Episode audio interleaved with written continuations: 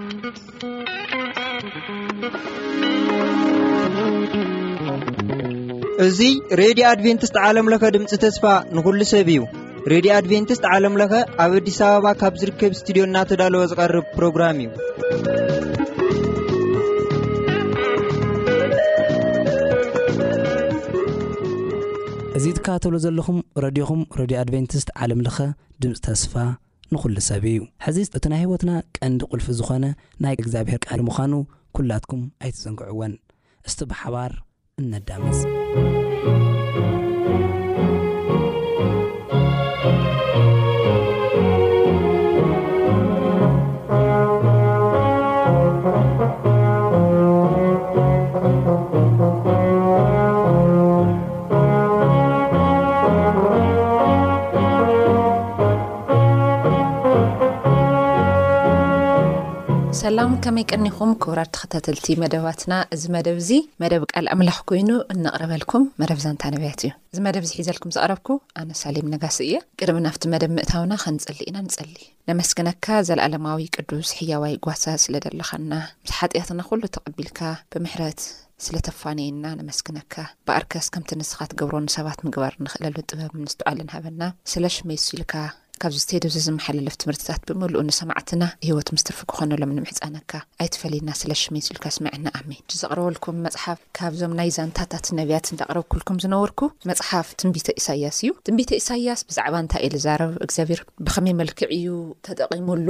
እንታይ እንታይ ከ? እቲ ዝዓበየ ናይ ትንቢት መጽሓፍ፣ ነዊሕ ምዕራፍ ደለዎ መጽሓፍ ኢሳይያስ እዩ። ስፋር ትንቢተ ኢሳይያስ ኣበየናይ እዋን ነይሩ? ብኸመይ መልክዕ? ኣብ መእተዊ ከም ዝነግረና ትንቢተ ኢሳይያስ እቲ ብሻምናይ ዘመን ቅድሚ ልደተ ክርስቶስ ዝነበረ ዓብዪ ነብዪ ዝጽዋዕ መጽሓፍ እዩ። እዚ መጽሓፍ እዚ ኣብ ሰለስተ ዋና ዋና ክፍልታት ይኽፈል። ካብ ምዕራፍ። ሓደ ክስካዕ ሰላሳን ትሽዓተን ንይሁዳ ደቡባዊት መንግስቲ በቲ ሓያል ጎረቤት ዝኾነ መንግስቲ ኣሶር ወራር ጥፍኣትን ከም ዘውደቓ ይነግር። ኢሳይያስ እቲ ጥፍኣት ካብ ብርትዐ መንግስቲ ኣሶር ዘይኮነስ ህዝቢ ይሁዳ ንእግዚኣብሔር ስለ ዘይተኣዘዝዎ ኣብ እግዚኣብሔር እምነት ስለ ዘጉደሉን ከም ዝኾኑ ረኣየ። እቲ ነብይ ንጹር ብዝኾነ ቃላት ገይሩ ህዝብን መራሕቶምን ናብቲ። ጽድቅን ፍትሕን ዝመልኦ ናብራ ክምለሱ ይጽውዖም፣ ከምኡ እውን ንእግዚኣብሄር ዘይምስማዖም ብኣት ዕንወትን ከም ዘስዕብ የጠንቅቖም። ኣብ ልዕሊ እዚ ድማ ኢሳይያስ ኣብ ምሉእ ዓለም ሰላም ከም ዘውርድን ካብ ዘርኢ ዳዊት ዝኾነ ብቕንዕና ዝነግስ ንጉስ ከም ዝመጽእ ኣቐዲሙ ከምኡ እውን ንእግዚኣብሄር ዘይምስማዕ ጥፍኣትን ዕንወትን ከም ዘስዕብ የጠንቅቖም። ኣብ ልዕሊ እዚ ድማ ኢሳይያስ ኣብ ምሉእ ዓለም ሰላም ከም ዘውርድን ካብ ዘርኢ ዳዊት ዝኾነ ብቕንዕና ዝነግስ ንጉስ ከም ዝመጽእ ኣቐዲሙ ተነበየ። ካብ ምዕራፍ ኣርባዓ ክስካብ ሓምሳን ሓሙሽተን፣ ካልኣይ ክፋል ማለት እዩ፣ ምኽንያቱ ኣብ ሰለስተ ነጥብታት እዩ ተኸፊሉ እዚ መጽሓፍ እዚ። እቲ ካልኣይ ክፋል ከኣኒ ካብ ሓደ ክስካብ ሰላሳን ትሽዓተን ብዛዕባ ንሱ ይገልጽ ኢለኩም ነይረ። ካልኣይ ክፋል ካብ ኣርባዓ ክስካብ ሓምሳን ሓሙሽተን ከኣኒ መብዛሕትኦም ህዝቢ ይሁዳ ተማሪኾም ናብ ባቢሎን ከም ዝውሰዱ፣ ካብኡ ድማ ስቓይን ቀቢጸ ተስፋን ከም ዝበጽሖም ዝገልጽ እዩ። እግዚኣብሔር ንህዝቡ ካብ ምርኮ ሓራ ኸም ዘውጽኦምን ኣብ የሩሳሌም ተመሊሶም ከዓ ሓድሽ ሕይወት ከም ዝጅምሩን እቲ ነቢይ ይዛረብ። ኣውራ ትሕዝቶ ናይዘን ምዕራፋት እዚኣተን እግዚኣብሔር ጐይታ ሕይወት ምዃኑን ህዝቡ ናብ ኵላ ምድሪ ተላኢኾም ንኣሕዛብ ብእስራኤል ኣቢሉ በረኸት ከም ዝበጽሖም ምግባር ፍቓድ እግዚኣብሔር ከም ዝኾነ እዩ። ሣልሳይ ክፋል ከኣ ካብ ምዕራፍ ሓምሳን ሽዱሽተን እስካብ ስሳን ሽዱሽተን ነቶም ናብ ኢየሩሳሌም ተመሊሶም ዝነበሩ፣ እግዚኣብሔር ዝሃቦም ተስፋ ከም ዝፍጽሞ የረጋግጸሎም። ብዛዕባ ጽድቅን ፍትሕን፣ ምኽባር መዓልቲ ሰንበትን፣ ምቕራብ መሥዋዕትን፣ ምዝውታር ጸሎትን እናገለጸ ሕዝቢ እንተይዘንግዑ ናብኡ ምእንቲ ከቕልቡ ይምዕድ። ኣብ ምዕራፍ ሱሳን ሓደን ካብ ሓደ ክስካብ ክልተ ኢየሱስ ትምህርቲ እንትጅምር ከም መረድኢ ዝጠቐሰን ቃላት ይርከባ። ኣብ ትሕዝቶ ናይቲ ትንቢተ ኢሳይያስ ምዕራፍ ኣብ ሸውዓተ ነጥብታት ተኸፊለን ኣለዋ። ሓደ ስምዕታ ተስፋ፣ ካልኣይ መቕጻዕቲ ኣብ ልዕሊ ኣሕዛብ፣ ሣልሳይ ፍርዲ ኣምላኽ ኣብ ልዕሊ ዓለም። ራብዓይ ካልእ ስምዕታ ተስፋ። ሓምሻይ ሕዝቅያስ ንጉስ ይሁዳን ኣሶርያውያንን። ሻድሻይ ቃል ተስፋ።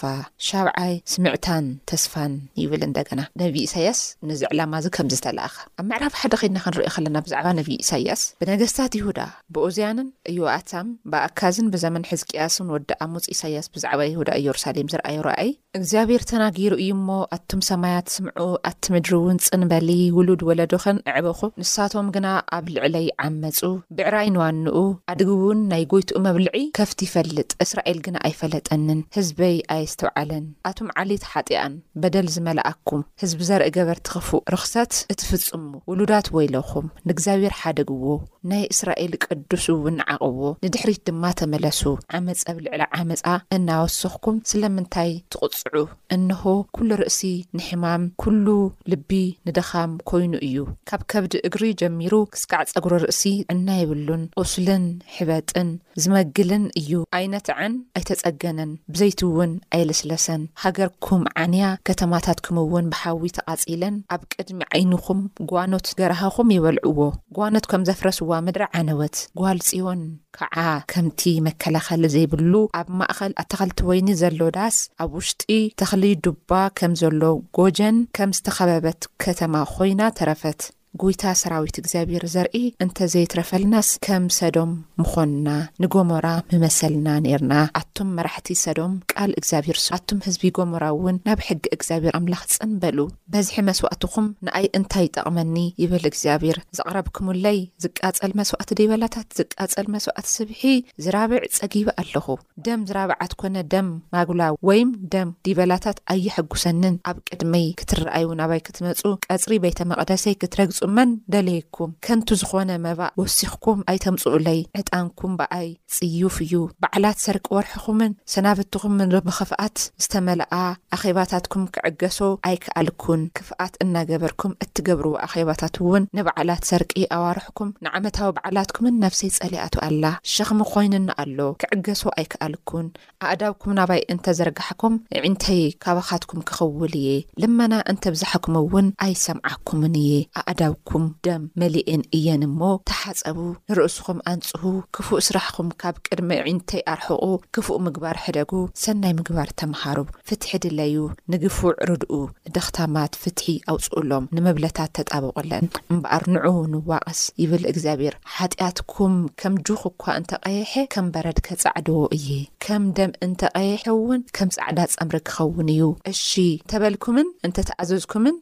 ግና በረኸት ምድሪ ክትበልዑ ኢኹም፣ እምቢ ኢልኩም እንተ ዓሚጽኩም ግና፣ ሰይፊ ኪበልዐኩም እዩ፣ ኣፍ እግዚኣብሄር ነዚ ተዛሪቡ እዩ።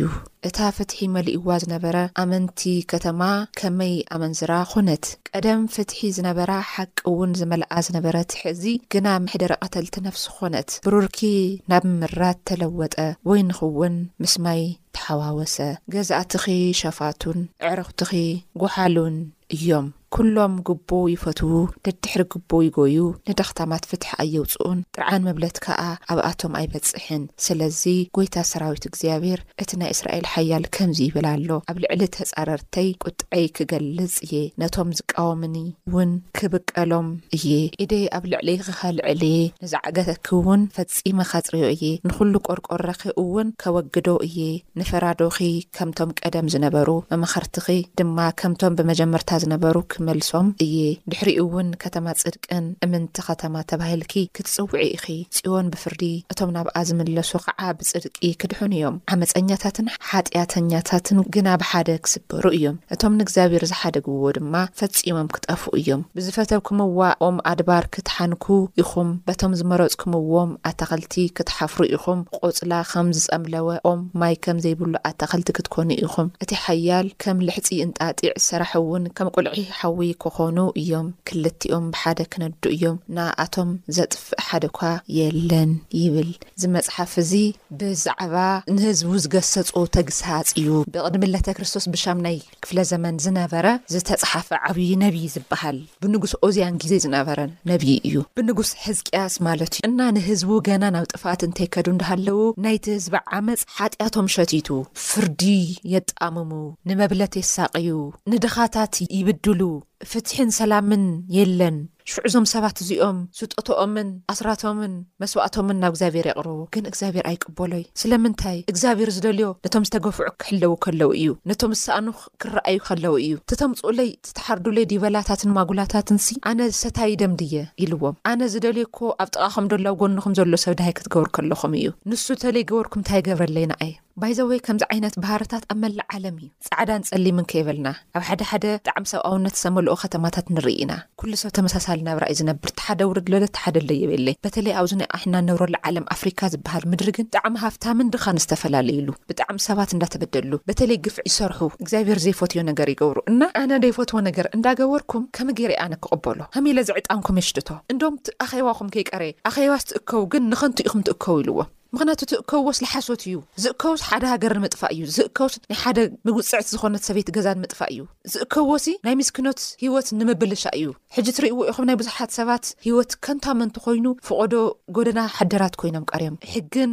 ናይ ባዕሎም ጠበቃታት ስለለለዎም እቲ ላዕለዋይ ነቲ ታሕተዋይ ክጎድኦ ንርኢ ሽዑ እዞም ሰባት ከምዚ ጌሮም ናብ ቅድሚ እግዚኣብሄር ኣለዎም መስዋእቲ ዝቅረብ ሓጢኣቶም ቅርሺ ከፊልካ ብሃፍቶም ዝሕጸብ ይመስሎም ግን እግዚኣብሄር እዚ ኣይቅቦለይ። እና ንዚ ህዝቢ እዚ ዝገሰጾ ተግሳጽ እዩ በተለይ ግፍዒ ድበሃል ነገር እዩ ኣሽቲቱ ጸሊእዎ ነይሩ እና ግደፉ ከም ቆጽሊ ከይትጽምሉ ንዑ ሓጢኣትኩም ከም ደም እኳ እንተ ቐይሐ ልክዕ ከም በረድ ከጻዕደወኩም እየ ሓጢኣትኩምስ ከምቲ ተፍስስዎ ደም እዩ በዚሑ ንሱስ ይቕረ ከብለልኩም ኣይክእል እዩ ይቕረ ክብለልኩም ድክሉስ ንዕ'ሞ ብቲ ትኽክለኛ ልብኹም ናባይ ምጹ። ኣነ ልደልዮ እቲ ትኽክለኛ መንነት ሒዝኩም ክትመጹኒ እንከለኹም እዩ። ኣኼባታት ተኣኪቦም እንድሕር ናውን ነውሪ ዘለዎ ስራሕ ድኸዱ ትኾይኖም ኣብ ቅድሚ ሰብ እኮ ክሕባእ ይኽእል እዩ። ኣብ ቅድሚ እግዚኣብሔር ግን ዝስወር ነገር የለን። እዞም ሰባት ኢሳያስ ክዛረብ ከሎ ዋእ እንታይ ጌርና ይብሉ ኔሮም ክኾኑ ይኽእሉ እዮም። ኣብ ቅድሚ እግዚኣብሔር ድሕባእ ነገር የለን። ኩሉ ነገር እዩ ዝከታተሎ እግዚኣብሔር። እና እንዳመጹ ኣቸጊሮሞ ከምዚ ጌሮምሲ ኣብ ቅድሚ እግዚኣብሔር ግን ስግደተይ የቋርጹ። እንዶም ስውሓት ስውሓት ልኾነ ዲበላታት እዮም ዘምጽኡ እቶም ድኻታት ክንድኡ ዝኣክል የብሎምይ ክይትን ከምጾ ኣይክእሉይ ግን ዝኹሉ እዚ ናይቶም ግፍዒ ፈጺሞም ናብ እግዚኣብሔር የምጽዎ ግፍዒ ፈጺሞም ናብ ቅድሚ እግዚኣብሔር ይቐርቡ መዓት ምድሪ ብምሉእ እንዳሓዘነ እንዳተሳቀየ እሶም ብሰላም ይሓድሩ ግን እግዚኣብሔር ነዚ ነገር እዚ ምስ ኣተሓሳሰቦ ንነቢይ ኢሳያስ ኣብዚ ናይ መእተዊ ምዕራፍ ክንርኢ ከለና ኩልኺ ምድሪ መቸገሪት ይኺ ዳርጋ ኢሉ ኢልዋ ኣነ ለይፈትዎ ነገር ጥራሕ ክትገብሪ ምድሪ ልፈትዎ እዚ ካሊእ እኮ ይበለይ እንታይ ልፈትዋ ዝተዛሪቡ እዩ እንታይ ልተዛሪቡ መሲሉ ተሓጸቡ ንርእስኹም ኣንጽሁ፣ ክፉእ ስራሕኩም ካብ ቅድሚ የዒንተይ ኣርሕቑ፣ ክፉእ ምግባር ሕደጉ፣ ሰናይ ምግባር ተምሃሩ። ፍትሒ ድለዩ፣ ንግፉዕ ርድኡ፣ ንደኽታማት ፍትሒ ኣውጽኡሎም፣ ንመብለታት ተጣበቑለን እምበኣር ንዑ ንወቓቐስ።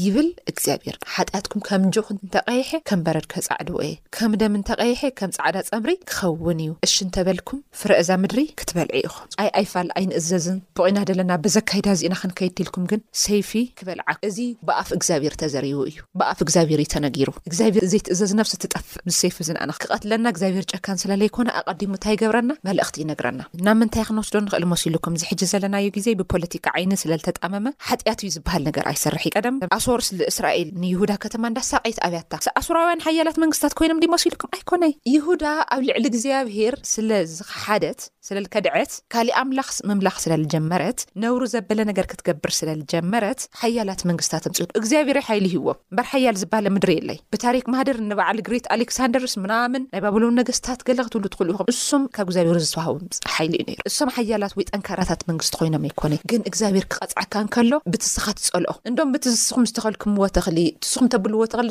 ድሕሪ ግዜታት። ኣይፈርይን ግደፉ እታ ከተማስ እምንቲ ከተማ ክትብሃል ጸልዩ ናባይ ንዑ ኢልዎም እሕዋተይ ብዙሕ ነገራት ብትውልድና ኣብዚ ምድሪ እዚ ምንም በቲ ፖለቲካ እንዳበለ ክቅይሮ ይክእል እዩ ሓጥያትና ጥራሕ እዩ ኣብ ምድሪ ብምልኡ ንእግዚኣብሔር ትኣምን ነፍሲ ካብ ዓውዪ መከራታት ትቀሪ እያ እግዚኣብሔር ተኣሚና ዝቀረየት ነፍሲ ካብ ዓበይቲ ጭንቅታት ትቀሪ እያ ሰለዘ ንሕና ከም ደም እንተቀይርና ሓጥያትና ከም በረድ ጻዕዳ ክገብሮ እዩ ከም ጸምሪ ከጽርዮ እዩ። ብደንቢ ከም ዘጽርዮ ነጊርና እዩ ንዑ ናባይ እንታይ ኮይንኩም ከም ዝተቐጻዕኹም ክነግሮ ንዑ ጠይቑን እሞ ኣነ ክምልሰልኩም ለምሳሌ ኣብ ምድርና ዝግበር ዘሎ ነገራት መንግስታት ክመልስዎ ስለለይክእሉ ኣሕዋተይ ናብ እግዚኣብሔር ንኸድ ኪዱ ናብ እግዚኣብሔር እግዚኣብሔር መልስ ኣለዎ ስለምንታይ ኣብ ህይወተይ ዝነገር እዚ ተፈጺሙ ሃገራዊ ኣጀንዳ ኮይኑ ዲ ኣይኮ እስኻ ትኽክል ንእግዚኣብሔር ትኽክ ተለኻ ትኮንካ ካብቲ መዓ ትቐሪ ኢኻ እግዚኣብሔር ዘይተኽብር ነብሲ ጥራሓ ትጠፍእ ስለዘንሕና እግዚኣብሔር ምኽባር ክንኽእል ምእንቲ ኢና ዝቃል ዝንመሃር ደለና ንዑ ኣነይ ንስኹም ናብ እግዚኣብሔር ንኸድ ናብቲ እግዚኣብሔር ዝኸብረሉ ቦታ ከይድና ንእግዚኣብሔር ክንጥይቕ እዩ ዓብዪ ጥያቄን ትምህርትን ዝቐረበልና ደሎ እሞ ንድኻታት ክነስታውስ ንመብለታት ትሪት ክንገብር ኣብ ከተማ ንዝተዛበዐ ሕጊ ኣብ ዝተፈላለዩ ቦታ ዝሰርሑ ሰባት እንተሃሊኹም ኩሉ ናይ እግዚኣብሔር እዩ ክትሰርሑ የቕሚጥኩም